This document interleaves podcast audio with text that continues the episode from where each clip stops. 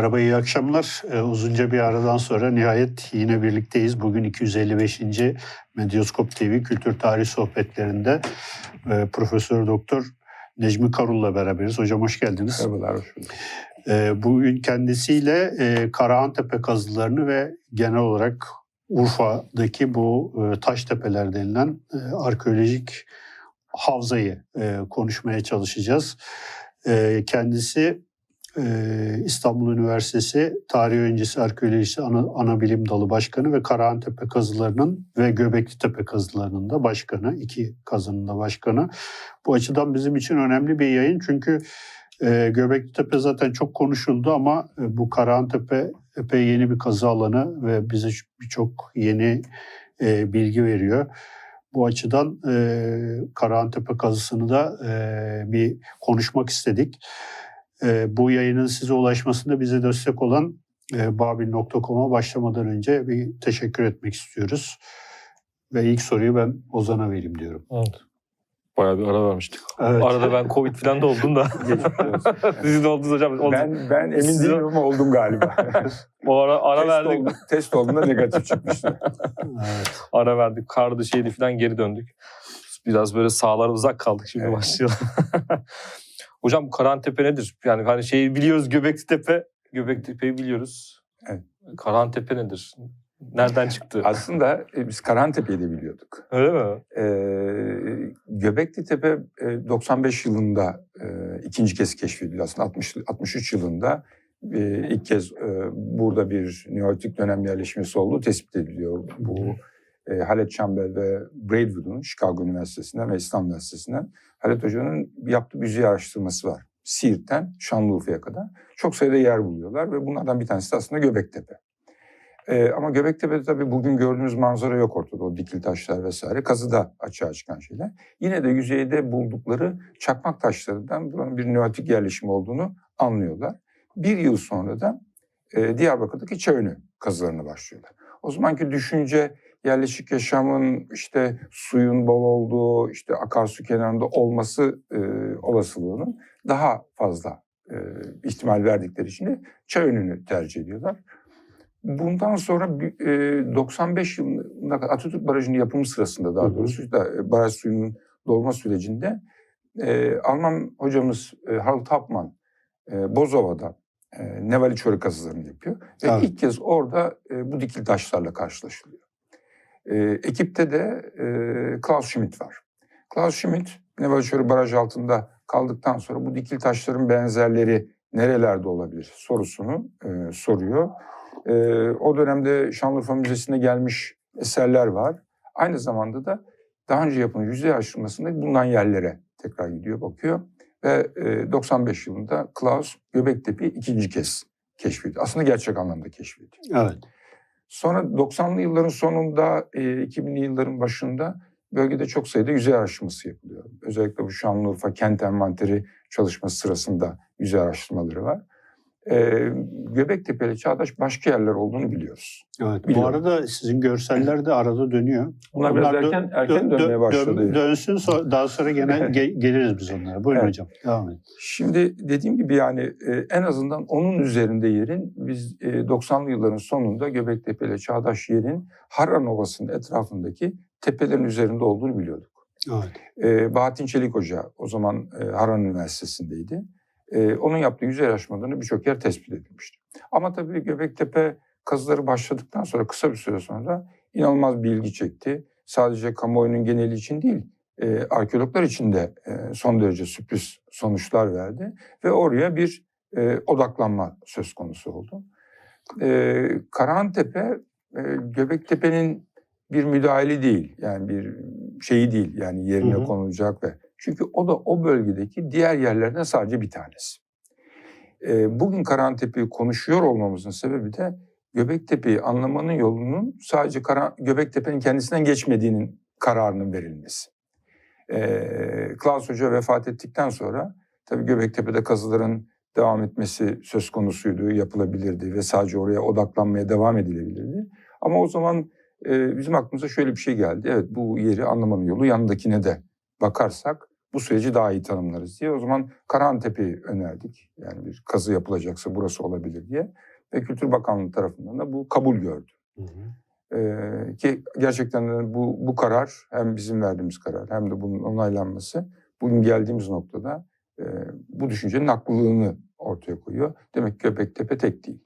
Evet. Ee, Evet. Diğerlerine, diğerlerine de bir şey yapalım hocam. Yani burası bir havza benim bildiğim. evet. Yani birçok e, orada e, şey var. Bu Harran Ovası'nın etrafında tahmin ediyorum. Yani siz yanlışsam düzeltin. E, kaç tane yerleşim var ve biz şimdi bu, bugün bunlardan iki tanesini hani şey yapıyoruz. E, kaç tane yerleşim var? Biraz o havzayı bize anlatabilir misiniz? Şimdi burası e, tek tek dağları e, doğu batısında, e, kuzeyinde Germuş Dağları, e, ovanın e, batısın, doğusunda tek tek, batısında da bu Suruca yükselen platonun olduğu bölge. E, yani yaklaşık olarak deniz seviyesinden 700-800 metre yükseklikteki tepeler. Bunlar aslında Toros Dağları'nın etekleri bir taraftan. Yani oradan e, Doğu Anadolu'ya oluyor doğru.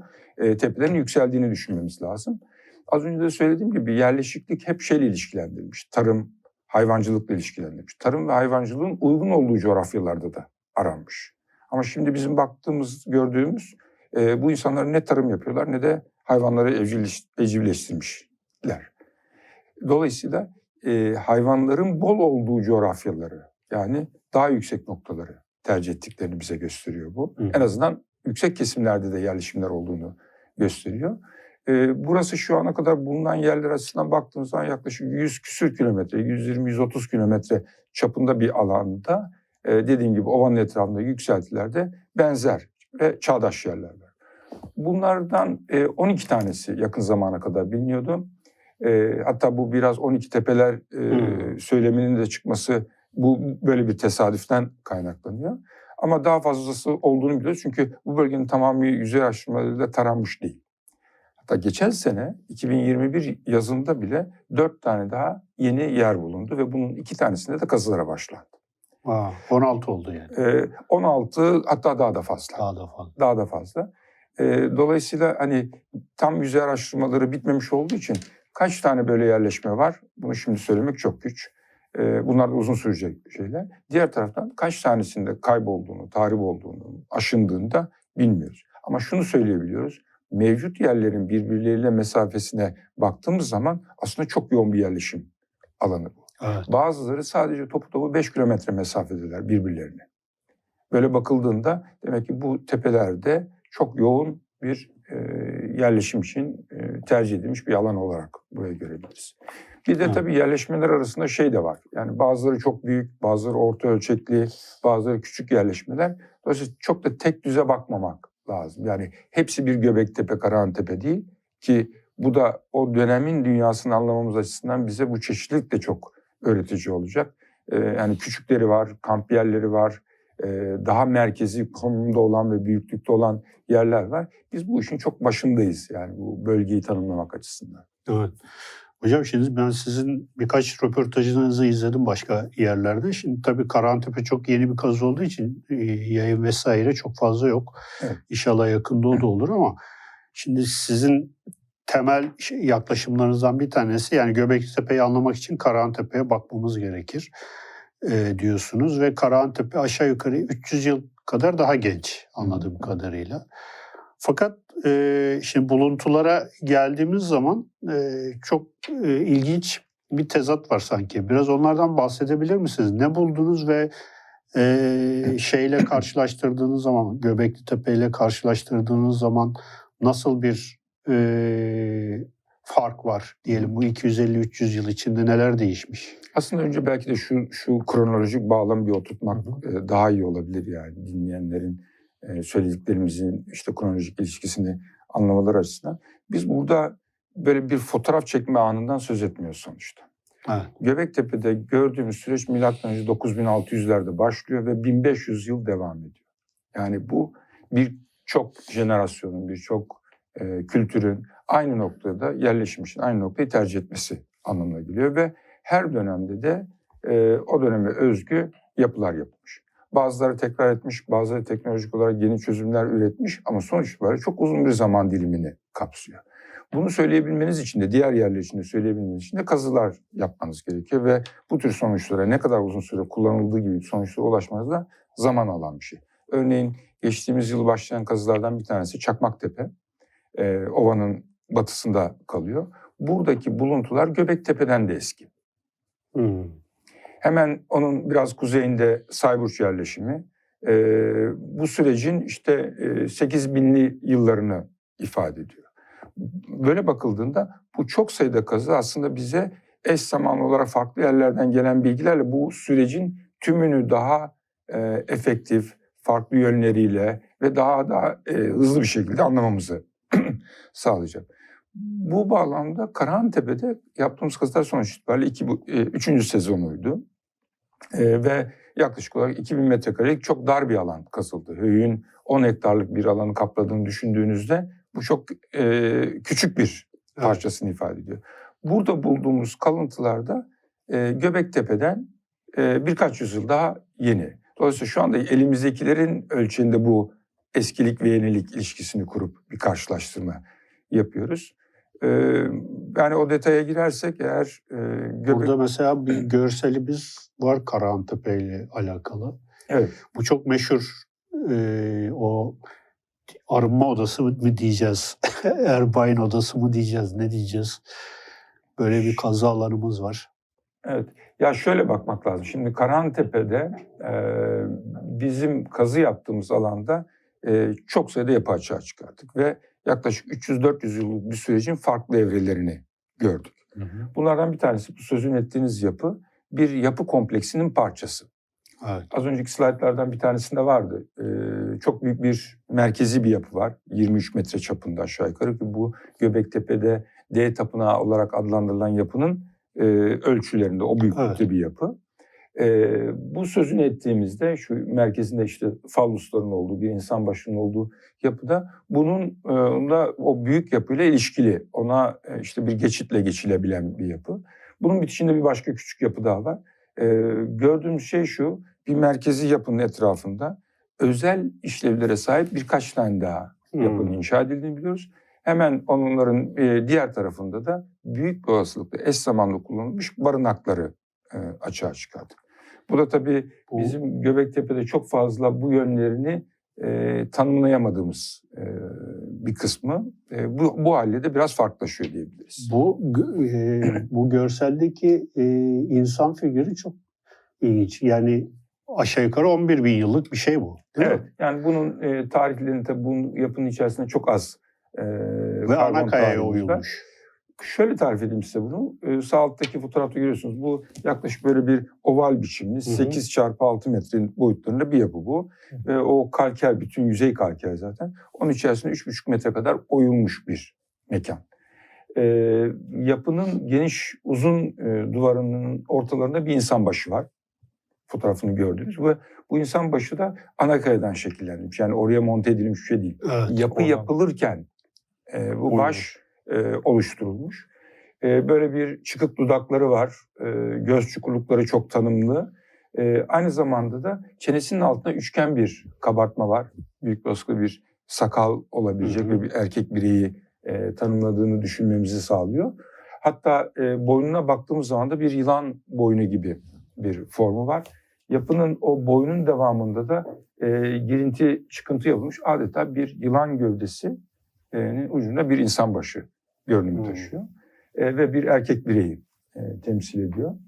E, yüzün karşısında da e, yine ana kayadan şekillendirilmiş. Yani başka bir şey. Yapı yapılırken yerinde bırakılarak e, oluşturulmuş e, dikmeler var. Bunlar erekte vaziyette erkeklik organları yani e, arkeoloji literatüründe fallus olarak adlandırdığımız e, dikmeler. Ve e, bu haliyle tabii 11 tane orada e, fallus var ve bir o insan başının adeta huzurunda simetrik bir şekilde yerleştirilmişler. Bu bize şunu gösteriyor. Birincisi yapı e, inşa edilirken tasarlanmış. Nerede Evet, neyin olacağı, insan başı, onun karşısındaki fallusların konumları ki onların en öndekiler e, daha uzun, arkadakiler aşağı yukarı eşit boyutlarda ama biraz daha kısa gibi. E, bir simetrisi ve bir tasarımı var.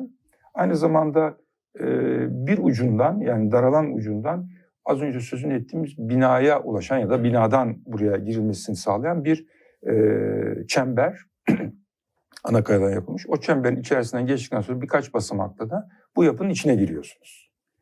Diğer ucundan da başka bir merdivenle dışarı çıkıyorsunuz. Dolayısıyla bu da yapı tasarlanırken diğer binalarıyla ilişkisi, girişi, çıkışı, nereden gireceği, nereden çıkılacağı gibi e, bir takım kuralları konmuş bir mekan diyebiliriz. E, birkaç tane daha özelliği var. Bu mesela fotoğrafta tabii kazıdan sonrasını görüyorsunuz. İçi açık. E, bu yapıların üzerinin kapalı olduğunu düşünmemiz lazım. Yani buraya kapalı bir mekana giriyorsunuz. Üstü açık bir mekan değil bu kullanıldığı zamanda. E, bir başka özelliği de var. Yapının bir ucundan yüzeyden gelen böyle yılan kahve bir kanal var. O kanalın içerisine bir sıvı döktüğünüz zaman mekanın içerisine dökülüyor. Hmm. Öbür ucundan da giriş merdiveninin olduğu yerden de yapının içerisinde eğer sıvı doldurulduysa, sıvının ne olduğunu da bilmiyoruz tabii. Belirli bir seviyeye geldiği zaman da oradan da çok küçük bir kanalla sözünü ettiğimiz o büyük yapının içerisindeki bir havuza dökülüyor. Bunlar bize bu e, mekanların e, bir kompleksin parçası olduğunu, birlikte düşünüldüğünü e, ve bu yönleriyle bir barınma mekanı değil de özel işlevlere sahip mekanlar olduğunu düşündürüyor. Tabii soru akla şu geliyor, bu ne, ne tür bir işlevi olabilir böyle bir mekanın? Şimdi onun içerisinde işte dikil taşların yüzeylerinde, zeminlerinden aldığımız tort örnekleri var. Yani bunun içerisinde bir sıvı döküldüyse e, ne tür bir sıvı olabilir gibi. Bir takım şeyler bize fikir verebilir ama haliyle sonuç itibariyle yine de bir yoruma kalıyor iş büyük oranda. Evet. Yani şöyle bir işlevi vardır diyebiliriz.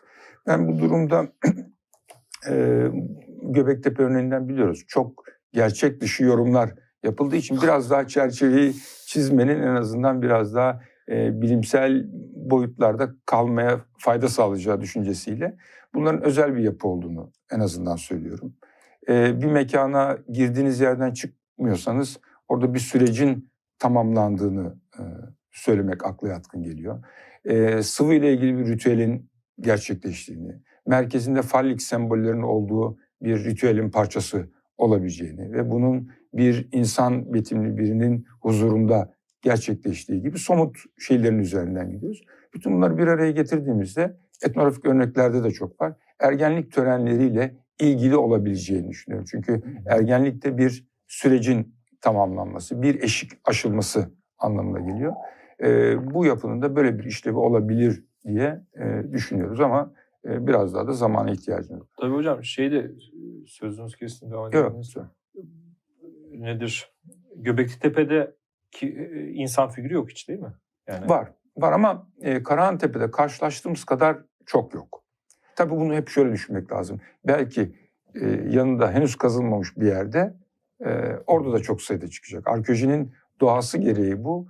E, bu parçaları e, birleştirmeden çok kesin Göbektepe'de insan e, figürleri Karahantepe'den daha azdır diyemez. Ama şu an itibariyle ki çok uzun 15 yılın üzerinde bir kazı e, yapılmış bir yer kazı yapılan alan oldukça büyük karşılaştırdığımızda bu durumda e, Karahantepe'deki insan sembollerinin sayısının daha fazla olduğunu görüyoruz. İnsan betimini.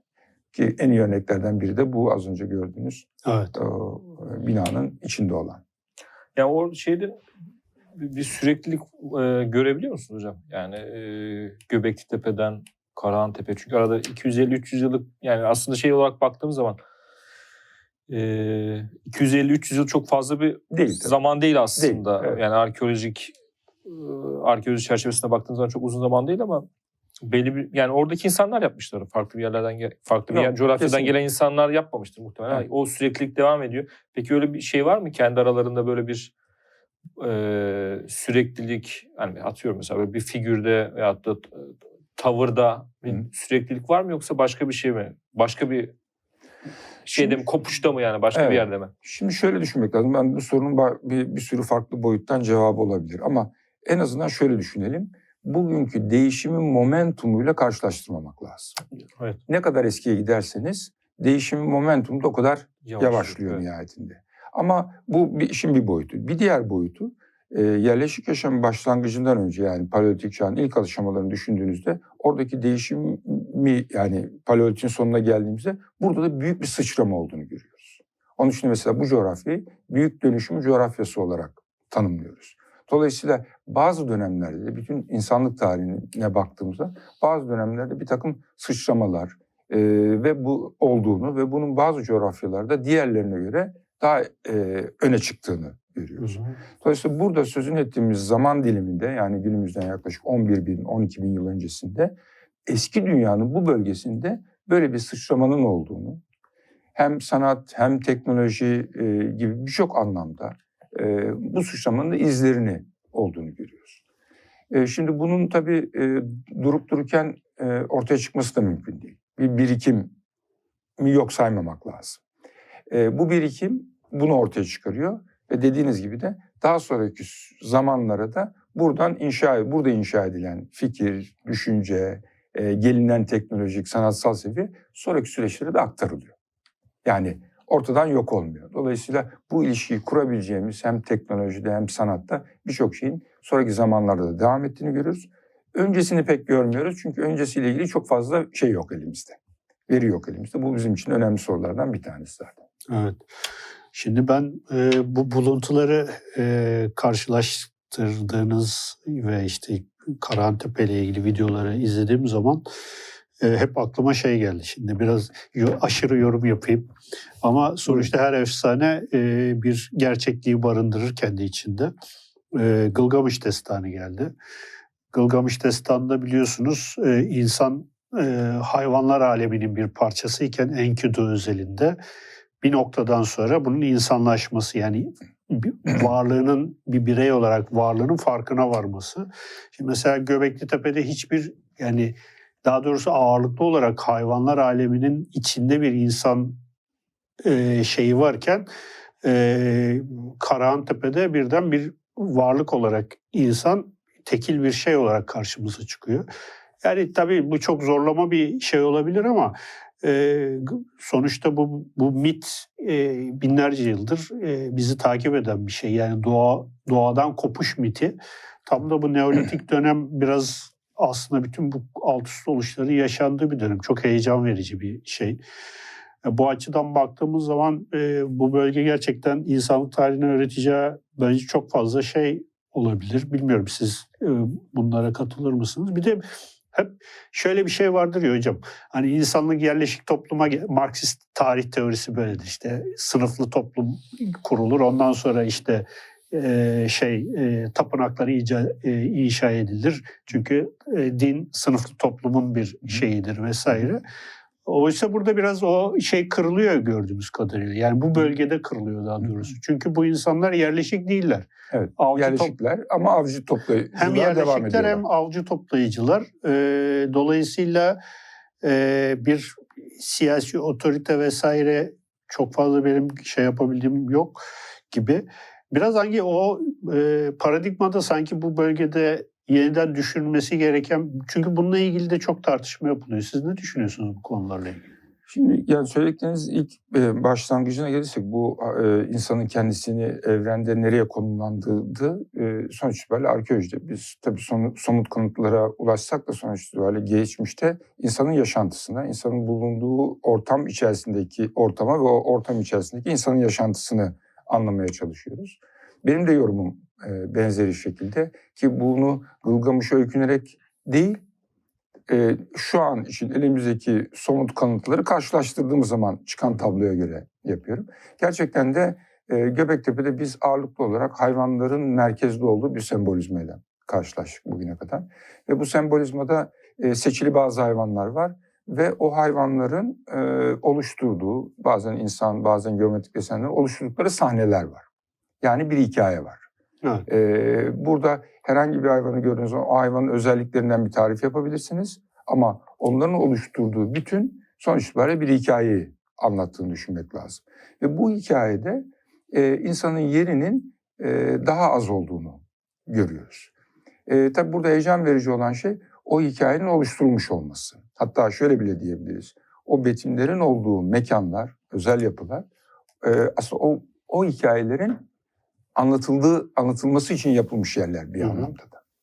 Ve tabii bunların e, birdenbire ortaya çıkması mümkün değil. Şöyle düşünün. O binanın içerisine giriyorsunuz. Dikili taşların üzerine bir sürü motif var. Hayvanlar var, geometrik desenler var. Eğer size onlar bir şey anlatmıyorsa o zaman bir- hiçbir şey ifade etmiyorlardır.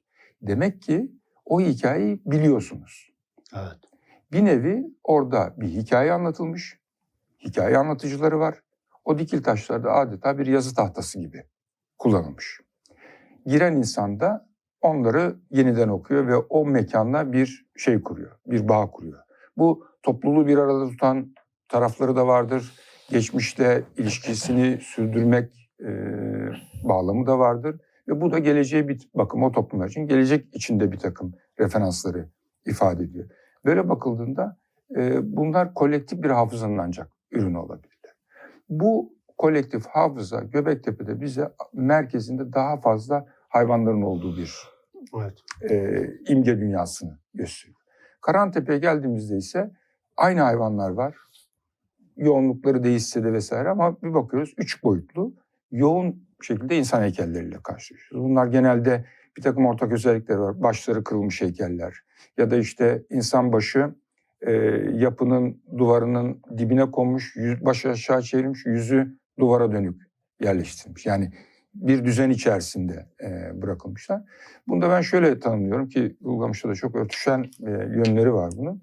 E, ilk başta kendisini hayvanlar aleminin bir parçası olarak gören insan zaman içerisinde o çevreden kopmaya başlıyor. Ve evrenin merkezine kendisini yerleştiriyor. Böyle bakıldığı zaman tabii bir ironi de var sonuç itibariyle. Biz yerleşikliği, üretici yaşamı e, insanlığın geldiği uygarlık açısından önemli bir seviye olarak görüyoruz. Bir gelişme olarak görüyoruz. Ama insanın kendisini evrenin merkezine koyması bugünkü dünyaya baktığımız zaman aslında çöküşünde bir başlangıç.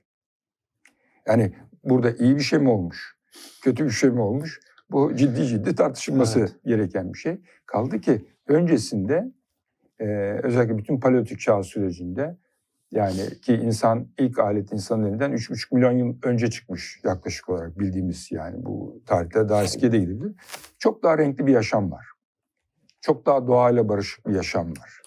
Ama yerleşiklik insanların bir araya gelmesi, yeni sosyal düzenlere ihtiyaç duyulmuş, yeni işte e, çözümlere ihtiyaç duyulmuş ve geldiğimiz noktada çok parlak değil böyle bakıldığında. Yani Evet. yerleşik iyi mi olmuş, kötü mü olmuş e, onu yani ayrı bir tartışma konusu. Evet. Bu şey konusunda ne düşünüyorsunuz? Tapınakların inşası ve bu e, yani paradigmanın kırılması konusunda. Şimdi e, ben bu yapıları özellikle belki de dikkatinizi çekmiştir, özel yapı olarak tanımlıyorum. Bunlara bir tapınak e, tanımlamasını bu yapıların fonksiyonlarını indirgemek olarak görüyorum. E, dolayısıyla yapıların boyutlarına baktığımızda ki özellikle Karahantepe bunu çok net gösterdi. Şimdi az önce gördüğünüz o falluslu yapı, onun yanında devasa boyutlarda içinde dikili taşları olan, sekileri olan yapı. Bunların hangisine tapınak diyeceksiniz? Yani o mu tapınak, bu mu tapınak? Farklı özellikle ve birlikte düşünülmüş yapılar. Bu yapılar çok fonksiyonlu mekanlar olması lazım. Bu fonksiyonların neler olduğu e, zaman.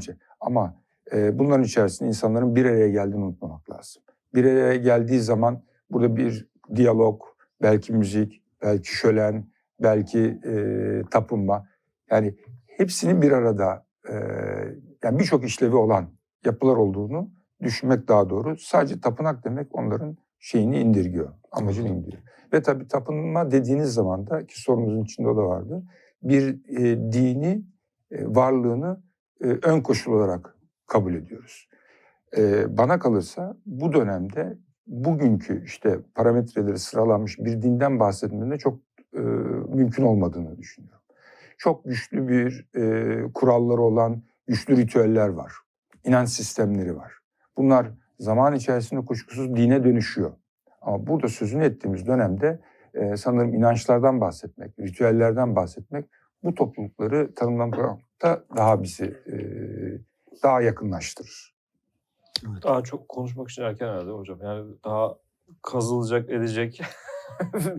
Ama hiç konuşmazsanız da e, bunlar Evet. tartışmaya açılmazsa da e, o zaman yani ki arkeolojinin güzel tarafı bazı bazı meslek gruplarındaki arkeologlardan da böyle düşünenler var. Başka alanlar e, sizin yaptığınız şey yorum yapmasın istenir. Biraz bir muhafazakar bir şeydir, e, tutumdur bu. Bence e, başta arkeoloji olmak üzere e, felsefecilerin, sosyologların işte aklınıza hangi alan geliyorsa gelsin ki arkeolojinin özelliği bu. Çok geniş bir yelpazede işbirliği yapabilen bir alan. E, herkesin bu alanda yorum yapması, katkı sunmasını, fikirlerini ortaya koymasının çok öğretici olduğunu düşünüyorum. Evet. Biz de belirli bir yerden bakabiliyoruz nihayetinde. Peki hocam buradan şey siz e, diğer bilim dalları falan dediniz de bir Taştepeler projesi var. Evet. Bilmiyorum, bundan da bahset bahsetsek e, yeridir herhalde. Bu Karahan Tepe'nin, Göbektepe'nin de içinde olduğu, kazıların da içinde olduğu ama daha bir çatı bir proje var. Biraz da ondan e, bahsedelim mi? Tabii. Tabii. Şimdi e, başta söylediğim gibi yani Karahantepe'yi e, kazımaya niyet etmemizin sebebi yani Göbektepe'yi anlamak, bölgeyi anlamak.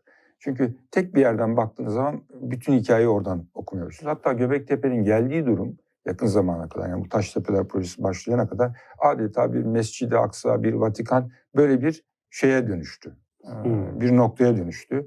Bir haç merkezi olarak adlandırıldı. E, bunu e, bu düşünceyi destekleyecek arkeolojik söylemler de geliştirildi. Mesela ne dendi? İşte Göbektepe bir toplanma merkezi. Çevrede yaşayan insanların, grupların, kabilelerin geldiği, buluştuğu yer.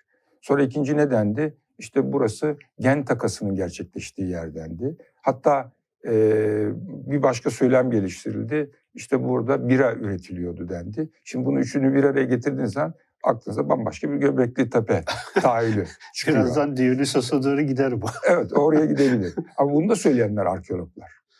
Bu hikayeyi siz e, toplumla paylaştığınız zaman, yaptığınız işi paylaştığınız zaman insanların onun içerisinde neyi çekerek, neyi ardı sıra yerleştireceklerini e, hesaba katamayabilirsiniz. Evet. Burada söz konusu olan şey e, bu dönüşümün hangi gerekçeler, hangi parametrelerle oluştuğu. Bir kere e, iklimde çok köklü bir değişiklik oluyor. Yani buzul döneminin sonrası, buzul devri bitiyor. E, daha nemli bir ortam, basın sistemlerinin buraya daha fazla yağış düşürdüğü bir ortam söz konusu. Bunun sonucunda da var olan bitki türleri daha geniş bir alana yayılmaya başlıyor ki bunlar neler? Kısa bir süre sonra evciliği, tarıma alınacak e, tahıllar. Evet. Yine e, mevcut hayvan türlerinin popülasyonu artıyor. Bunlar hangileri? Bunların bazıları yine kısa bir süre sonra evcilleştirecek hayvanlar. Bütün bu doğal çevre ortamına baktığınız zaman insanın hareket etmek zorunda kalmadan aynı yerde yaşayarak e, karnını doyurabilmesi anlamına da geliyor. Bu ne demek? Şöyle okuyabiliriz bunu. E, yakın zamana kadar yerleşikliği aslında bir e, baskı sonucu, çevrenin oluşturduğu bir baskı sonucu gerçekleştiği düşünülüyordu. İnsanlar e, risk içermeyen tarım gibi e, girdilerle işte yerleşik hayata geçtiler diye düşünüyorum. Şimdi bakıyoruz ki yerleşiklik, tarım ve hayvancılık yerleşikliğin bir nedeni değil, bir sonucu olarak Sonucu. ortaya çıkıyor.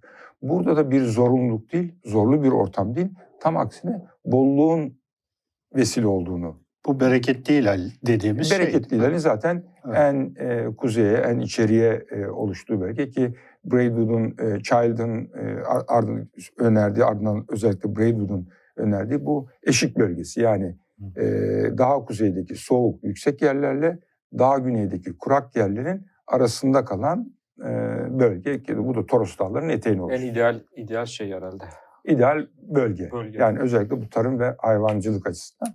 E, bakıyoruz ki e, Taştepeler projesindeki yerlerinde e, bu kuşağın üzerinde olduğunu görüyoruz. Bu tablo değişebilir. Hatta şunu da artık rahatlıkla söyleyebiliyoruz. Neolitik dönemin bu aşamasında insanlar sadece tepelerin üzerine yerleşmemiş. Ovalarda da, e, akarsu kaynaklarının yakınında da, dağlarda da farklı tipli neolitiklerden bahsetmek mümkün. Yani e, bunu da çok lineer okumamamız e, gerekiyor. E, dolayısıyla yani bu projenin de aslında esası e, Göbektepe'nin bu yanlış konumlandırılması değil sadece. Bu bölgeyi e, tarih öncesi çevrenin rekonstrüksiyonu da içerecek şekilde anlamaya çalışmak.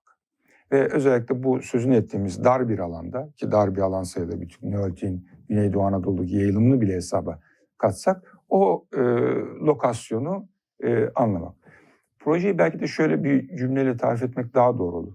Belirli sorulara yani Neolitik'in başlangıcına ilişkin sorulara yönelik e, tanımlı bir bölgede eş zamanlı çok uluslu bir çalışma olarak okuyabiliriz. Bunu nasıl şöyle düşünelim işte farklı geleneklerden, farklı birikimlerden gelen insanların benzer sorular etrafında eş zamanlı olarak e, aynı yerde çalışmasının çok öğretici olacağını düşünüyoruz. E, Kültür Bakanlığı da bu projenin bu yönünü e, bir önemli bir açılım olarak e, gördüğü için aslında e, bizim önümüzü de açan, arkeologların bu konudaki Hı iradesinin de önünü açan bir takım şeyler oldu, gelişmeler oldu. Şimdi geçtiğimiz yıl 8 tane kazı, 7 tane kazı yapıldı. Önümüzdeki yazda e, bunlara daha fazla başvurular da var. Bu sayı, kazı sayısının daha da artması söz konusu. Ve bunların içerisinden işte Japonya'dan, Rusya'dan e, ya da batılı ülkelerden e, İtalyan, Alman e, gibi meslektaşların çok sayıda e, ekibin de olduğunu düşündüğünüzde düşünün. Arkeozooloji konusunda beş ayrı ülkeden gelen insan e, benzeri sorulara cevap arayacaklar. Arkeobotanide benzeri sorulara cevap arayacak. Bu e, Anadolu'nun uygarlık tarihine yaptığı katkıyı anlamamız açısından küçük de olsa bir seferberlik gibi. Ve bundan çok şey öğreneceğiz. Çok insan yetişecek. E, ve e, o bölge içinde e, o bölgenin yani tarih enstitüsünün önemini de anlayacağız. Anlam, yani büyük bir ölçüde e, ona katkı sağlayacağız diye düşünebiliriz. E, proje ile ilgili başka ne söyleyebilirim? Projenin aslında beş tane ayağı var. Bunlardan bir tanesi envanter, kazı ve yüzey araştırmalarıyla e, mevcut potansiyeli, e, mevcutları bu Neolitik döneminin ilk aşamalarındaki yerlerin sayısını, yerleri öğrenmek, bilmek, bazılarını kazı, kazısını yapmak. Bu da tabii bilmek aynı zamanda korumayı da beraberinde getiriyor. Bilmezseniz bir şey e, rahatlıkla tarih olabil- olabilir. E, dediğim gibi hepsini kazmak, her kazılan yeri sonuna kadar kazmak gibi bir hedef de yok. Ama bunların bazılarının kazılması e, söz konusu. İkinci ayağı paleo çevre. E, bütün bu hikaye nasıl bir ortamda gerçekleşti? İklimi, doğal çevredeki kaynaklar vesaire açısından. Bu paleo çevre yani çevre ayağının bir boyutu da günümüz çevresi. Ki e, Karahantepe Tek Tek Dağları Milli Parkı'nın içerisinde. Türkiye'nin ikinci büyük milli parkı. Oldukça iyi korunmuş durumda bir yer burası. Ve e, oradaki bugünkü çevreyi e, de bilirsek hem bugünü anlamamız hem de geçmişle ilişkiyi kurmamız açısından son derece faydalı olacağını düşünüyoruz. Aynı zamanda çevrenin korunmasını da katkısı olacağını düşünüyoruz ki taş ocakları var. Hatta geçenlerde öğrendim taş ocaklarının faaliyetleri de e, durdurulmuş ki onların arkasını e, sonsuz şekilde gidebilirdi. Hı hı. Yani bu projenin e, çevrenin korunmasına da katkısı olduğunu söyleyebiliriz. Bir diğer ayağı etnografya. Etnografyadan kastımız e, yani özellikle mimari, teknolojiler, beslenme teknolojileri bu bölgedeki mevcut e, mevcudu anlayarak bunun tarih okumalarımızda da sadece tarih okumak için değil ama tarih öncesini okumalarımızda da katkı sağlayacağını e, düşündüğümüz bir ayağı. Bir başka ayağı sos, e, sosyoloji. E, buradaki hedef de öncelikle bir e, mevcut durumun e, tespiti e, yapılması öngörülüyor ve buna göre de bölgede e, farkındalığı arttıracak neler yapabiliriz'i belirleyeceğiz ve böylelikle orada çünkü hedef aslında öncelikle o coğrafyada yaşayan insanların o hanelerin içerisinde bir yer edinmek. Hı hı. Bunu da önce bir onu tespit etmemiz lazım. E, o farkındalığı arttıracak çözümleri de ondan sonra önerebiliriz diye düşünüyoruz. E, bir ba- başka ya da kültürel miras projeleri. Burada e, çok sayıda yerin kazılması kadar e, bütün bunların aynı dili değil de bu hikayeyi bütünleyecek şekilde toplumla buluşturulması hedeflememiz gerekiyor. Bazı yerlerde küçük istasyonlar, bazılarında daha büyük. Yani insanlar bu bölgeye geldiği zaman farklı yerleşmeleri gezdiğinde o oralardan e, hepsinden ayrı şey alarak bir bütüne ulaşmalarını e, hedefliyoruz ki bunu da son derece önemsediğimiz bir şey. Çünkü arkeolojiyi kendiniz için yapamazsınız. Hiçbir de alanı kendiniz için yapamazsınız. Eğer topluma kazandırılmıyorsa bunu kimileri turizm diye okuyabilir. İsteyen istediği gibi okuyabilir. Ama e, eğer siz bundan beslenmeyecekseniz, çocuğunuz beslenmeyecekse, okul oraya gitmeyecekse bunun da e, gerçek anlamda e, eksik kaldığını e, düşünmemiz gerekiyor. Dolayısıyla burada bir e, kültürel mirasın bu ayağı da bizim önemsediğimiz bir şey. Ee, yine son olarak şunu da söyleyeyim. Bir e, arkeolojik e, araştırmalar merkezi ya da Neolitikçi araştırmalar merkezi diye bir merkez kuruluyor. Oradaki maksat da bu Şanlıurfa e, Müzesi'nin içerisinde bir kompleks. Oradaki maksat da e, farklı zamanlarda işte uzmanların her biri her zaman gelemiyor. E, yani yılın farklı dönemlerine gidip kazılardan çıkan malzemeleri çalışacakları bir ortam sağlamak. E, bu aşağı yukarı bu ayaklardan oluşuyor diyebiliriz. Yani. Hocam birazdan şu görselleri tek tek inceleyelim ama ben Tamam. e, oraya geçmeden önce bir bir şey söylemek istiyorum. Bu projenin iki tane Instagram hesabı var resmi. Birisi Karahantepe projesi. Bunları mutlaka takibe alın derim. Diğeri de The Land of Great Transformation. Büyük değişimin coğrafyası. Dönüşümün Büyük dönüş, dönüşümün coğrafyası. Ee, bu iki hesabı mutlaka takibe alın diyorum. Bir de e, şu, şimdi o görsellere ge- geçmeden önce o görsellerin içinde bir tane sırtında leopar taşıyan bir adam e, figürü var. Şimdi geçenlerde e, Ana- Anadolu leoparı gene görüldü diye bu Urfa tarafında, Siirt tarafında gene bir fotoğrafını çekmişler foto kapanla. Ya şimdi Ian Hodder'ın kitabı var. Leopar'ın izinde Öyküsü. öyküsü. işte Hı. o Çatalhöyük'teki leoparlar. Şimdi Hı. buraya geliyoruz. Bakın burada işte bu görseldeki leopar. Ya bu sürekli devam eden bir şey. Yani bu imge aslında 11 bin yıldır burada var yani. Yani hala biz onun peşinden aslında tabii. e, bir şey bir e, arayış içindeyiz. Yani bu çok bana e, heyecan verici gelmişti. Bunu paylaşmak istiyorum öncelikle. İsterseniz bu görselden başlayarak e, biraz görsellerin üzerinden de geçelim hocam. Tabii.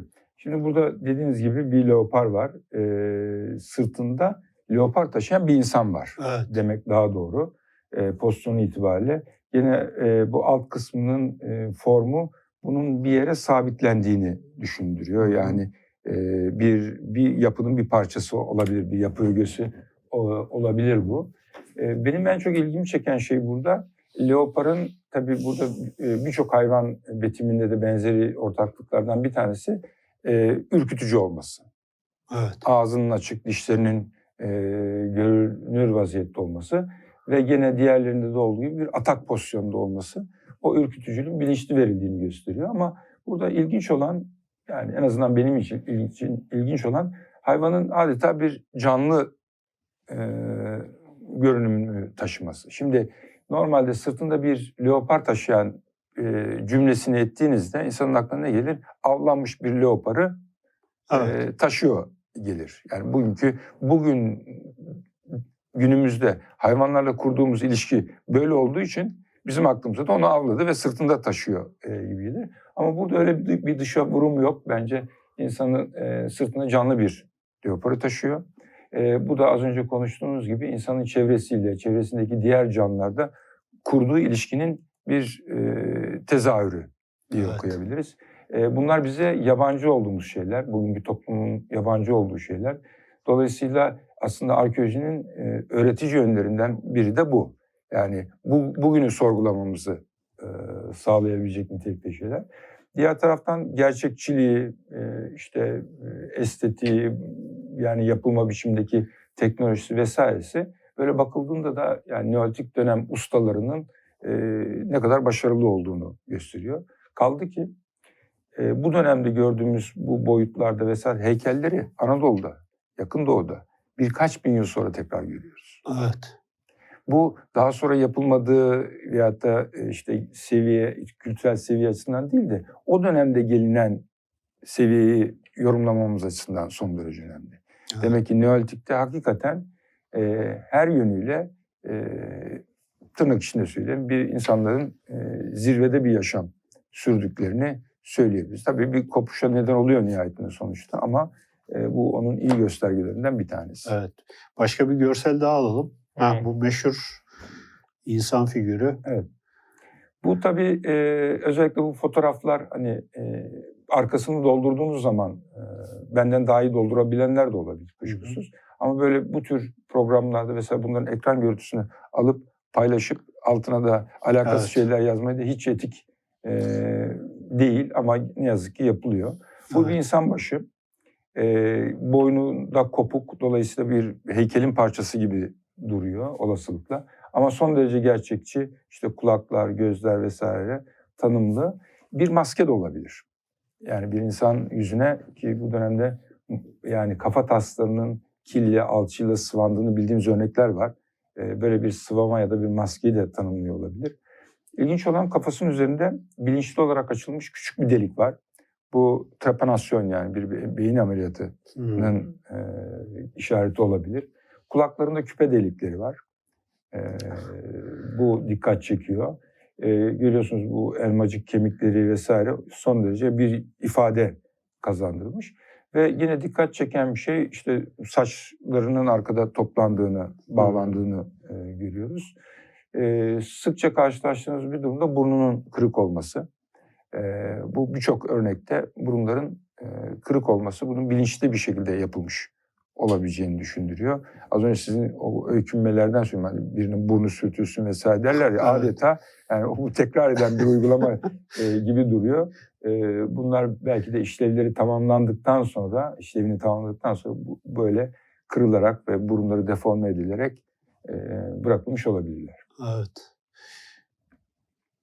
Bu son derece ilginç, e, yani diğerleri kadar en azından ilginç. İki, e, aynı bedende iki tane baş görüyorsunuz. Bu çok dualist bir şey aslında. E, bunu e, yoruma açık bir yaşlı, genç, dişi, erkek yani ikisi de olabilir, hepsi olabilir. E, saç bağları var, saçlar örülü, aralardan bağlanmışlar. E, dikkat ederseniz gene burunlar Kırık. kırılmış E, ve bir bedende e, birleştirilmiş e, iki baş. Çok unik bir şey. Böyle bir heykeli bir Roma tiyatrosunun içinde bulsanız şaşırmazsınız ama yani ondan 11 sene daha eskisinden bahsediyoruz. Evet, evet. Yani herhalde yüzyılın başında falan bunlar bilinseydi o meşhur ilkel sanat icat edilirken Picasso tarafından falan bunlardan epey Esinlenir. şey, esinlenirdi yani. Çok ifadeci şeyler çünkü. Bundan sonra da yani e, gerçekten özellikle o vurguladığınız gibi çok insana hem düşünsel alanda hem işte sanatta e, esin kaynağı olacaklarını düşünüyorum. Yani, Bizim şöyle bir e, yani şöyle yaklaşmamız belki iyi olabilir. Bugün bütün dünyada bir takım markalar var değil mi? Yani isim vermedi ama yazılışını biliriz, formunu biliriz, hangi karakterin kullanıldığını biliriz. Anadolu bu yönüyle o kadar zengin ki. Yani onların içerisinde çok rahatlıkla yer alabilecek o kadar zengin bir imge dünyası söz konusu. Ee, Ve onları daha az biliyoruz. Bu da globalizmin bir sonuçta bir e, getirisi, e, sonuçlarından bir tanesi. Dolayısıyla bu tür şeylerin eserlerin sayısı arttıkça bizim e, bu coğrafyaya bağlılığımız da biraz artacaktır diye bu düşünüyorum. nedir hocam? Bu bir dikil taş. insan biçimi verilmiş Hı hı. bir dikil taş. Yani Kolu var. e, kolu var yanlarda. Genelde bu e, kaburgaların gösterilme, özen gösterildiğini fark ediyoruz. Göğsün üzerinde bir e, örümcek var. Bu da çok sık tekrarlanan Hmm. bir durum. Ön yüzünde de e, karşılıklı duran iki tilki var. Şimdi tilkilerle sıkça karşılaşılıyor ama bunun böyle karşı karşıya getirilmiş iki tilki yani bir sahne oluşturmuş burada. E, ve bir insanın gövdesinde. E, yani burada bir tilki vardan daha fazlasını ifade ediyor en azından. Parmaklar burada vurgulanmış. Dikkat ederseniz burada 1, 2, 3, 4, 4 mü 5 mi? 4 tane parmak Dört var. parmak var. Çünkü Baş parmak yok. Genelde 5 parmak yok. Ee, karşılaştığımız birçok örnekte ya 8 parmak oluyor ya 4 parmak oluyor. Parmak sayısı e, değişiyor. Ve Evet. bunu da e, kazara yaptıklarını zannetmiyoruz. Yani bilinçli olarak işte bir e, bilinçli bir tercih olduğunu Bu kadar ayrıntı varken onu yanlış yapmaları mümkün değil doğru. Evet, ilginç. Devam edelim. Leopar, leopar çok sık e, Karahantepe'de karşılaştığımız bir hayvan. E, burada dikkat ederseniz gerçekten çok ustacı yapılmış. Aynı zamanda da o ürkütücülüğü, işte e, atak hali vesaire burada da vurgulanmış. Bu da bir heykelin parçası. Yani boyun kısmından e, kopmuş. Belki bu da şunu vurgulamak iyi olabilir. Bunların kırık olmasının e, şöyle yani sözünü ettiğimiz yapıların hepsi bilinçli olarak gömülüyorlar. Evet. İşlevini tamamladıktan sonra bir insan nasıl öldüğünde gömülüyorsa bu yapıları da gömüyorlar. ve içlerine de bu tür heykel parçalarını kırarak atıyorlar. Gömme işlemi de bir sistematikle gerçekleştiriliyor. Mesela büyük yapıda bu heykellerin az önce deminden beri gördüğümüz e, heykel parçalarının tamamı tek bir yapıda bulundu. Hmm. Ve e, buluntu yerleri de düzenli yerleştirilenlerin dışında e, karşılıklı yapının içerisinde karşılıklı duran iki e, lokal bölgeye atılmış vaziyette bulundu. Yani bu da gömme uygulamasının bir sistem. Göbekli Tepe için de öyle Tabii söylüyorlar. Göbekli. Biraz O da- son zamanlarda yeniden tartışılır oldu ama Karahantepe bu tartışmayı bence sonlandırdı. Çünkü hem bu büyük yapının gömme sistematiğini gördük. Özellikle de bu falluslu yapıda yapıyı e, bir yarısını kazıp karşısına baktık. Yani bir pastayı ortadan kestiğinizi düşünün. Kesitine baktığınızı düşünün. Böyle bir sistematik içerisinde kazdık. Gömüldüğünden Hı hı. e, gömüldüğünü düşündüğümüz, ondan kuşkulandığımız için ve şöyle bir şey gördük. Mesela en altta bir 40 santim kırmızı bir toprak serilmiş tabanına Hmm. ve bunun içerisinde hiç arkeolojik malzeme yok. Dolayısıyla toprak dışarıdan başka bir yerden getirilmiş. Onun üzerinde etraftan toplanan içinde taşların olduğu bir dolguyla fallusların üst seviyesine kadar doldurulmuş. Daha sonra fallusların yeri belli olacak şekilde onların üzerine taşlar koyarak yüzeye kadar fallusların konumu uzatılmış. Sistematik bir şekilde yapmışlar. Yani. Evet. Yani en bir- üstünde büyük taşlarla, tamamen yaz taşlarla kapatmışlar. bir iz bırakılmış yani. Toprağa Tabii. gömülmüş ama bir oraya bir işaret konulmuş. Bunu işaret koymak için e, yaptılar demek e, biraz eksik olur. Şöyle, orayı aslında bütün yaşanmışlığıyla birlikte koruma altına almışlar. Hmm. Demek biraz daha doğru. Çünkü iz bırakmak demek e, yani başka türlü iz bırakabilirsiniz. Bir sistematik içerisinde gömmenize gerek yoktur. E, dolayısıyla gömme işlemi de bir ritüel gibi. Bugün bir ölümü e, bir- birini gömdüğümüz zaman da birçok ritüel gerçekleşiyor. Nedir? Öncesinde bir şeyler yapıyoruz. Ölüm sırasında yapıyoruz. Bir de ölüm sonrasında yapıyoruz. Bunlar da ardışık şeyler. Ee, bunu bir gömme ritüeli olarak yani düşünebiliriz. Aynı zamanda da tabii yapıların insanlar için e, ne anlama geldiği hakkında da bize e, sorular sorduruyor. Dolayısıyla konut, özel yapılar e, o dönemin toplumları için son derece önemli ki onlara e, böyle bir uygulamayla onlardan ayrılıyorlar. Onları zamana saklıyorlar. Evet. Belki de bir- ardışıklık içinde yapıyorlar. Atıyorum ilk başta Göbekli, yapı, Göbekli Tepe yapılıyor.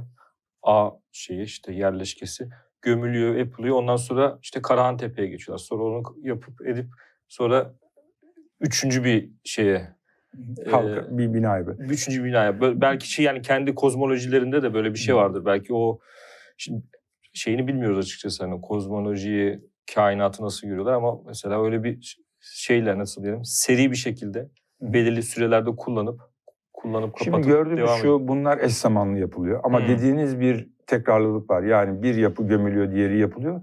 Bazı durumlarda da eş zamanlı olarak kullanılan mekanlar da var. Yani hem dediğiniz doğru hem de onun dışında da daha karmaşık e, olduğunu düşünmek lazım. Kozmolojileri tabii e, orada belirleyici olan çevre. O dünyanın bir parçası olarak kendilerini görüyorlar. Biz bugünden geriye doğru bunu okumaya yaptığımız zaman bugün bize tilki neyi ifade ediyorsa onu görmeye çalışırız. Evet. Bu da büyük bir risk. Ee, dolayısıyla o canlıların dönemin toplumları için neyi ifade ettiğini e, gerçek anlamda bilmediğimiz sürece e, bu bunlar yorum niteliğinde kalır ki bunda bir sakınca yok. Başka türlü nasıl bunun Zaten üzerine konuşacağız yani. Ama e, bugünden baktığımız zaman yanlış Evet. şeyler Evet. söyleyebiliriz. Leoparı leopar olarak görmüyordu belki onlar. Başka bir şey olarak görüyorlardı. Evet, evet. devam edebiliriz. Bir, birkaç görsel daha şey yapalım. Ya Çanak çömlek bunlar kloritten yapılmış çanak çömlek yok bu dönemde. Yani pişmiş toprağı e, ısıttığı, ısıttıklarında sertleştiğini bu tür şeyleri, teknolojileri biliyorlar. Ama çömlek yapmıyorlar. E, çömlek, çanak çömlek daha çok e, beslenmenin bu e, yani ızgara diyelim. Or, ondan ziyade sulu aşın olduğu dönemde kullanılan bir teknoloji, yaygınlaşan bir teknoloji. Bu dönemde biz ağırlıklı olarak taş kaplar görüyoruz ama dikkat ederseniz formları da daha sonra üretilen çömlek formlarında. Bunlar Evet. o, oyuluyor değil mi hocam? Şey değil yani. Bunlar obsidiyenden, obsidyenle özellikle e, oyularak şekillendirilmiş e, klorit. yekpare yani. Yekpare tabii tabii. Evet. Üzerleri bezenmiş fotoğraflarda ne kadar iyi gözüküyor O bölgede ama çok var bu. Bunlar da iyi bulgur pilavı oluyor. Taşı Of. çok var. Evet. Hatta ben şeyi hatırlıyorum. Yesemek, Yemek bu meşhur o heykel okulu vardır ya Evet. Yesemek. Orada bayağı bir obsidiyen e, şeyler bulunmuştu falan diye hatırlıyorum. Yanlış da hatırlıyor olabilirim. Şimdi obsidiyenin tabii bu bölgede e, Van civarında, Bingöl e, bu bölgeden geldiğini. E, obsidiyenin iki tane ana kaynağı var. Biri Orta Anadolu, Hasan Dağı ve Evet. çevresi. Diğeri de işte e, Van Havzası'nda. E, ve e, yani Neolitik'ten bile önce e, obsidiyenin e, dünya bu coğrafyadan başka yerlere taşındığını biliyoruz. Neolitik'te bunun yoğunlaştığını biliyoruz. Yani Ürdün'e kadar Orta Anadolu'nun obsidiyenin belirli bir forma getirilip taşındığını biliyoruz. Dolayısıyla bu aslında bizim bu rotanın da üzerinde olmamızdan kaynaklı obsidiyen çok sık rastlanıyor ama burada ağırlıklı teknoloji çakmak taşı üzerine kurulu. Evet. Yani o kuşları, diğer aletlerin büyük bir kısmı çakmak taşından yapılmış. O bu kapların işte biçimlendirilmesine obsidyenin e, işte keskinliğinden dolayı daha fazla tercih edildiği düşünülüyor bu konu uzmanları tarafından. Ve bu kapların üzerinde kimi zaman geometrik, kimi zaman da hayvan betimleriyle yani adeta o dikil taşların üzerindeki gibi e, bezendiklerini görüyoruz. Evet. Devam edelim arkadaşlar.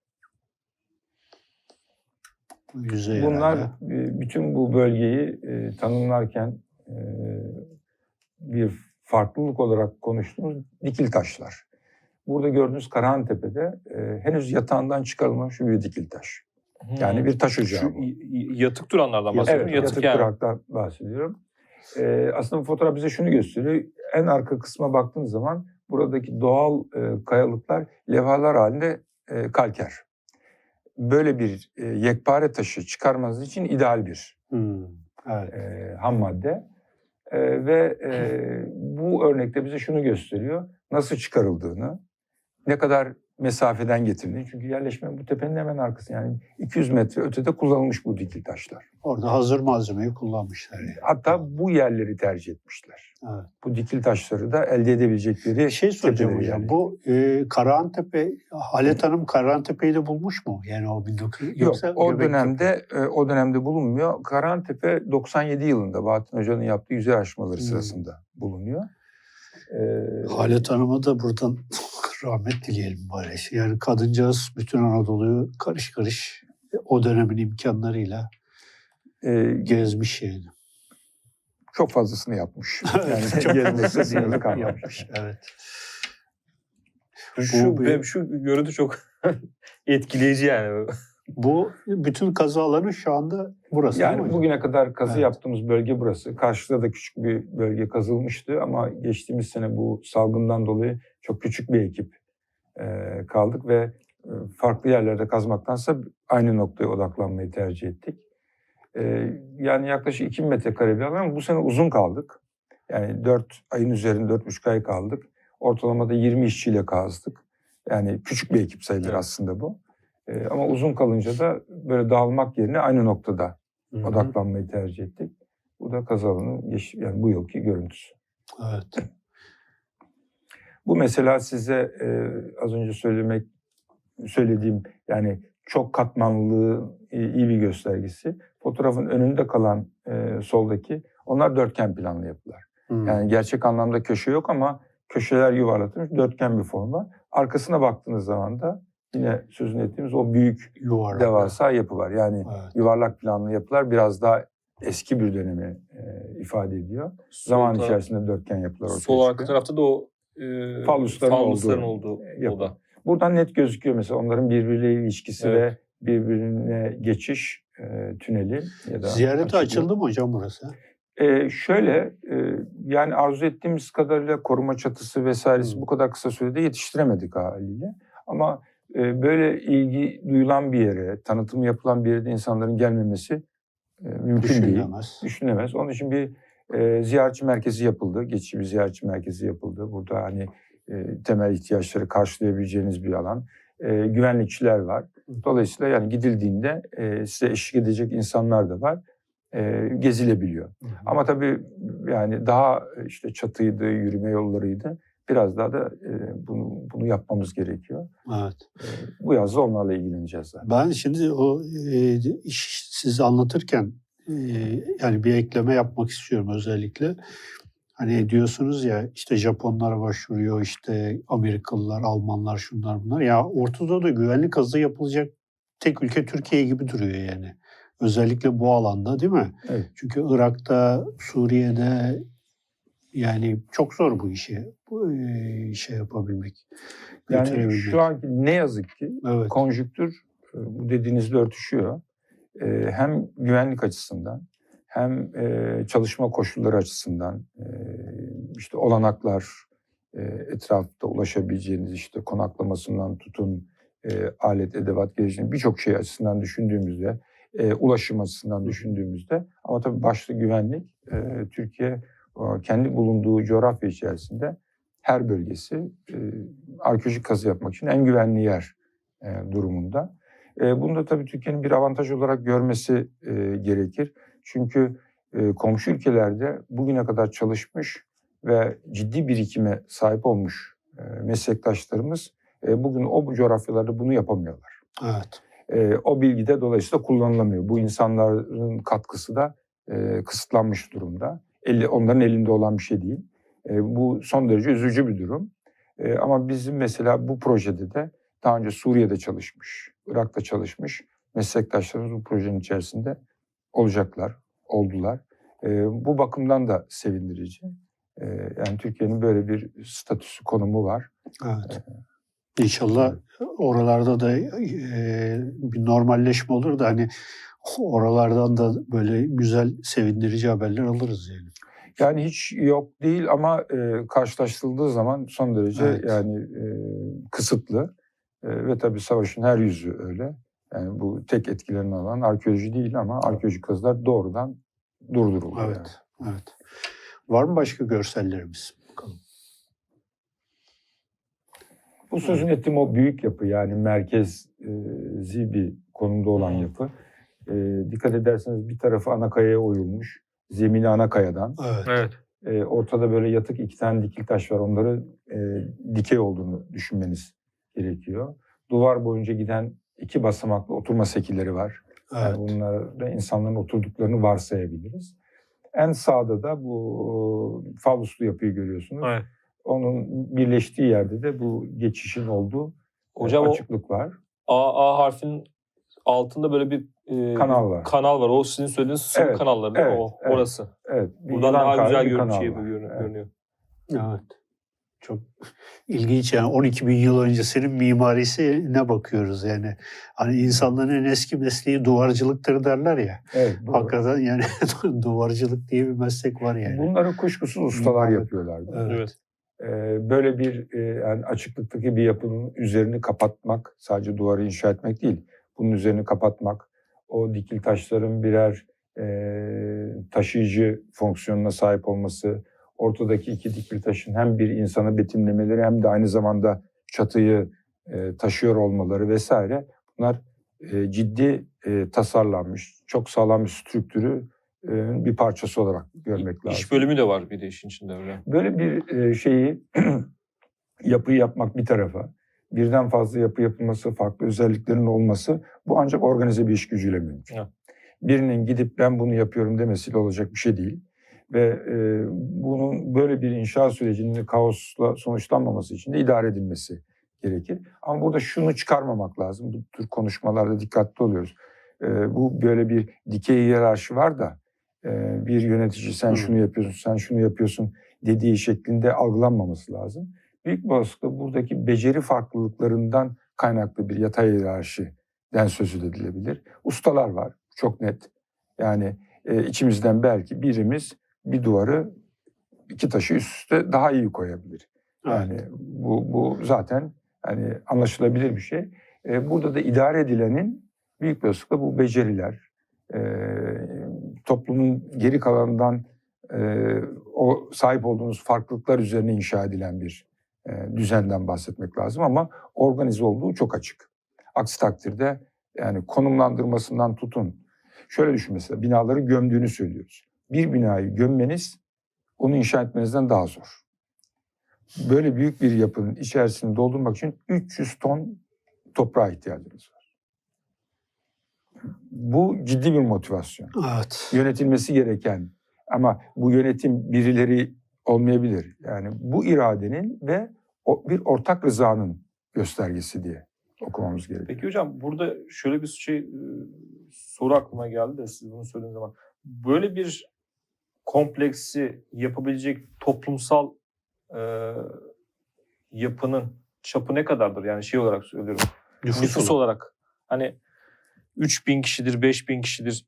Yani öyle bir şeyimiz var mı kafanızda böyle bir Şimdi- öngörebiliyor musunuz? Bu kadarlık bir topluluk vardı burada etrafında, sağında, solunda. Çünkü bu- büyük iş bölümü var çünkü Evet, burada. bu tür hesaplar yapılıyor tabii. Özellikle Amerikan antropolojik yaklaşımlı e, şeylerde, e, çalışmalarda. Ama şöyle bir örnek vereyim size. Bugün e, ülkenin farklı coğrafyalarında şu evden kaç kişi çıkacağını hesaplayın derseniz başka şeyler önerirsiniz. Yani bir evden kaç kişinin yaşadığını söylemek çok zordur.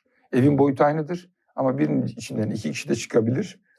12 kişi de Evet. çıkabilir.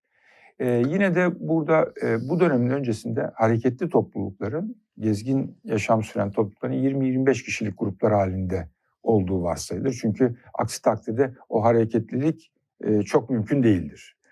Bu dönemden itibaren aynı yerde yaşayan insan sayısı kademeli olarak artıyor.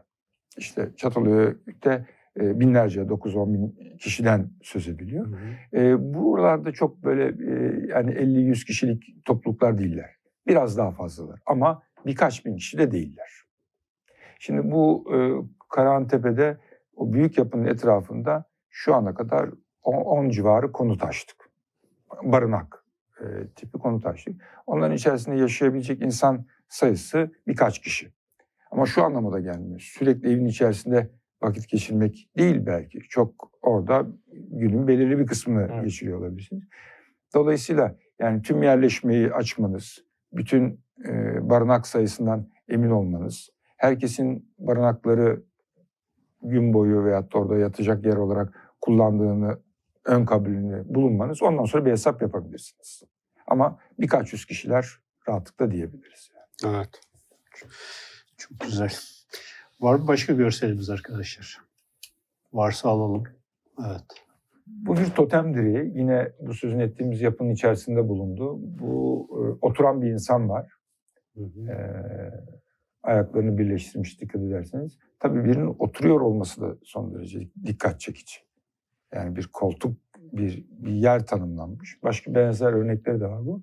Yine bunun da sırtında e, bir leopar görüyoruz. E, ve bunu da bu e, totem direğini az önce sözünü ettiğim yapının içerisinde belirli yerlere e, bu kırılmış heykellerin atıldığını söylemiştim. Orada tanımlı bir alan var. Yatay yerleştirilmiş bir dikil taş var. Daha önce başka bir binadan sökülüp herhalde kullanılmış. Gene kendisi de hayvan başlı. Üzerinde çok sayıda taş tabak bırakılmış. Ve onun da başucuna bu e, totem direğinin sabit olarak oraya yerleştirildiğini gördük. E, ve e, enstitü konumda olduğu yerde kırılmış vaziyette e, açığa çıkarıldı. Ama ikonografik açıdan yine e, sırtında leopar taşıyan bir insan. Bu Bilirsin. leopar taşıma sanki biraz böyle bir cesaret şey gibi yani. Hani çünkü Tarih, ön- tarih öncesi arkeolojisinin e, iyi taraflarından bir tanesi de bu. E, yani somut bir şey koyuyorsunuz ortaya. Herkes yorum yapabiliyor. Osmanlı minyatürlerinde de var ya. Osmanlı minyatürlerinde de var. Üzerinde şey omzunda leopar şeyi taşıyan nedir?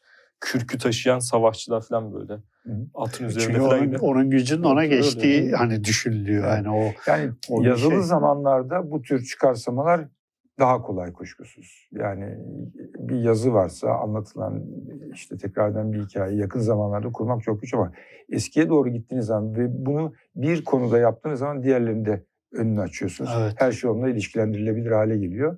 Biz bu durumda e, ketum davranıyoruz ama fikrimiz olmadığından değil ama dolayısıyla bir çerçeveyi çizmek ve bunu somut şeyler üzerinden konuşmayı böyle bir Evet. ortamda tercih ediyoruz. Yani. si- sizin işiniz susmak. Biz yorumları biz yapalım.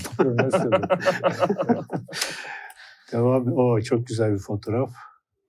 Bu e, gece çekilmiş fotoğraf. Kubilay Evet. Akdemir'in fotoğrafı. E, bu Hocam bu fotoğrafı fotoğraflar sanki böyle sağda solda izinsiz kullanılıyor gibi bir his doğdu. Yani ne içimde. yazık ki böyle işte sunularda, e, bir takım webinarlarda e, haliyle yap- yapılan işi insanlarla paylaşmanız gerekiyor. Burada bugün dünyasında görselsiz olmuyor. Evet. Evet. E, bu şu anda bile burada bu video yayınlandığında, program yayınlandığında birinin bunun ekran görüntüsünü alıp hatta o sol altındaki ismi silip e, yayınlaması çok sık karşılaştığımız bir durum. Çok çirkin bir durum. Evet. Yani çok emeğe saygısızlık nihayetinde. Bunları kullanan böyle. Twitter hesapları da var gördüğümüz kadar o yüzden yani dikkat Var. Evet. Instagram ve Twitter hesapları gör- gördüm çünkü bu görselleri. O yüzden özellikle buradan tekrar edelim. Yani bu Karahantepe projesi ve The Land e, of Grid Transformation hesabını Instagram'da takip edin. Diğerleri biraz e, böyle bir yola doğru gitmiş herhalde. Devam edelim isterseniz hocam. Evet. Bu bir canlandırma herhalde. Evet bu bir şey aşamasında hani tasarım aşamasında bitmiş bir canlandırma değil. Deniz Dirik tarafından çiziliyor. Ee, yani taslak diyelim ama sonuç itibariyle kazıda siz bunların çatısını bulmuyorsunuz. Çatısının döküntüsünü bulabilirsiniz. Dikil taşları ayakta bulmuyorsunuz. Çoğunu zaten bilinçli olarak kırmışlar, yıkmışlar. Ee, bu üç boyut kazandığı zaman daha anlaşılabilir oluyor. Ee, bize de işte tasarımı e, işte bunu çizecek insanlara aktarmak kalıyor. E, Dolayısıyla burada merkezi yapıyı, içindeki mekanı e, hissetmeniz daha fazla mümkün. Sanırım e, bu yapının üstünün de bir kısmını gene prehistorik yöntemler kurarak e, kısmen de olsa kapatmayı düşünüyoruz. Yani genel alanı kapatmanın dışında böylelikle ziyaretçiye biraz daha o dönemi algılanmasında e, yönlendirici olacağını düşünüyoruz. Sonuç itibariyle bunu e, hissedilmesi, toplumda e, anlaşılması, yani bilginin bu anlamda doğru bilginin paylaşılmasının e, işte tedbir alalım, kaçak gazı olmasın tarihi böyle değil.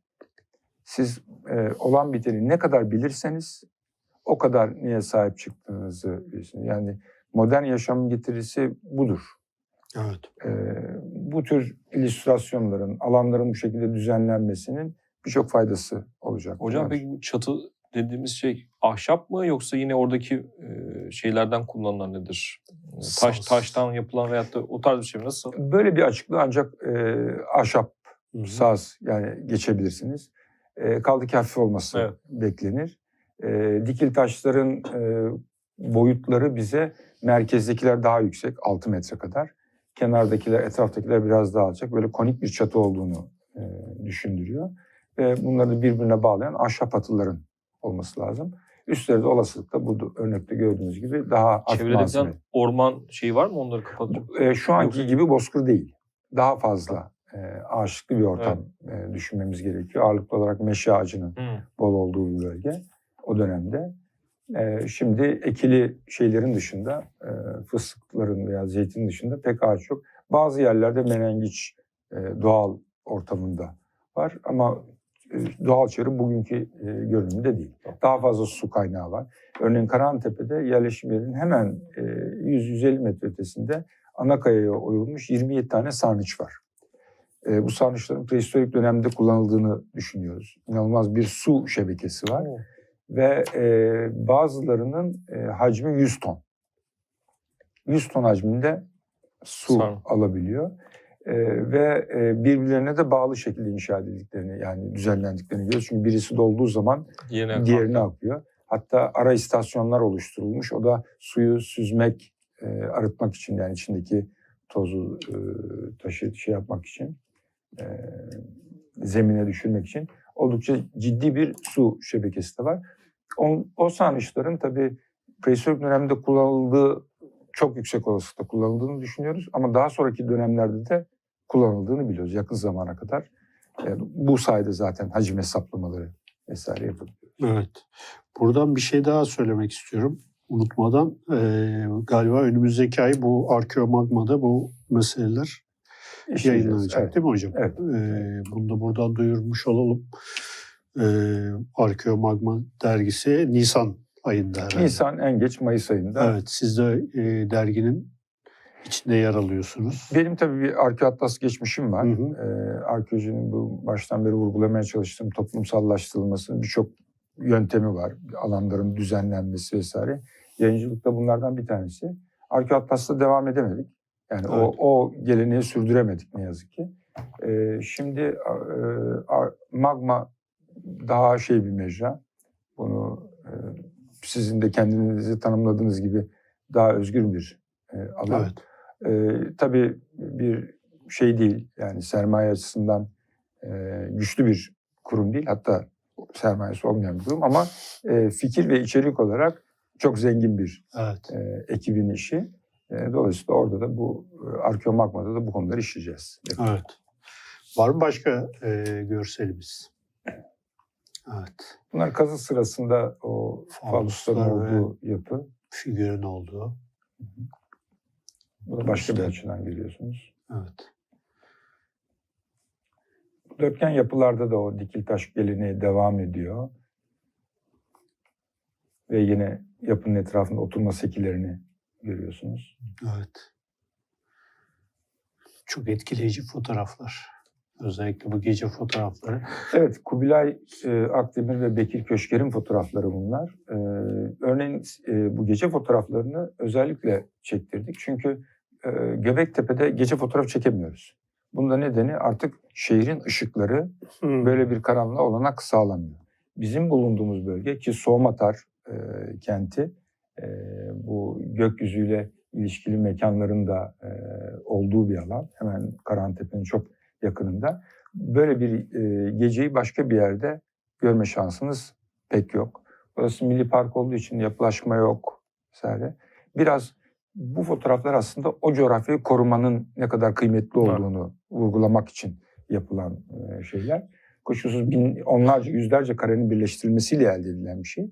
Ama e, tarih öncesinde de insan e, o bölgede yaşadığında böyle bir ortama Evet, sahipti. Evet. Yani şu fotoğrafa bakınca öyle bir ünsiyet kuruyor insan. Yani o zihni olarak nasıl yani kainata nasıl bakarlardı Evet. meselesini biraz herhalde gece daha iyi insan Tabii, hisseder tabii. yani. Evet. Var mı başka? Evet. Bu da herhalde son şeyimiz. Bu sözün ettiğiniz web şey e, sosyal medya hesaplarından Evet, evet. Dilendorf. Onları bu hafta bol bol paylaşırız. Hocam yavaş yavaş toparlayalım isterseniz. Ee, son olarak söylemek istediğiniz bir şey varsa alalım. Sonra da kapatalım. Teşekkür ediyorum ve vesile oldunuz. Daha önceden de Aktoprak'la Evet, konuşmuştuk. evet, evet. Ee, Ee, şimdi kısmet şeydeymiş, Karahantepe'deymiş. evet. Ee, Neolitik e, dönemle ilgili Türkiye'de artık çok fazla e, veri birikiyor ve e, muhtemelen dünyanın birçok alanındaki bilim insanlarına e, bu veriler e, bir takım yeni e, ilhamlar verecektir e, diyelim. Hocam çok teşekkür ediyoruz yayınımıza katıldığınız için. Güzel bir yayın oldu. 255. Medyaskop TV Kültür Tarih Sohbetlerinde bugünkü konumuz Profesör Doktor Necmi Karul'la başkanlığını yürüttüğü Karahantepe kazılarını ve Taştepeler projesini konuştuk. E, bizi izlediğiniz için çok teşekkür ediyoruz. Bize bu yayında destek olan babil.com'a da kapatmadan teşekkür ediyoruz. İyi akşamlar diliyoruz.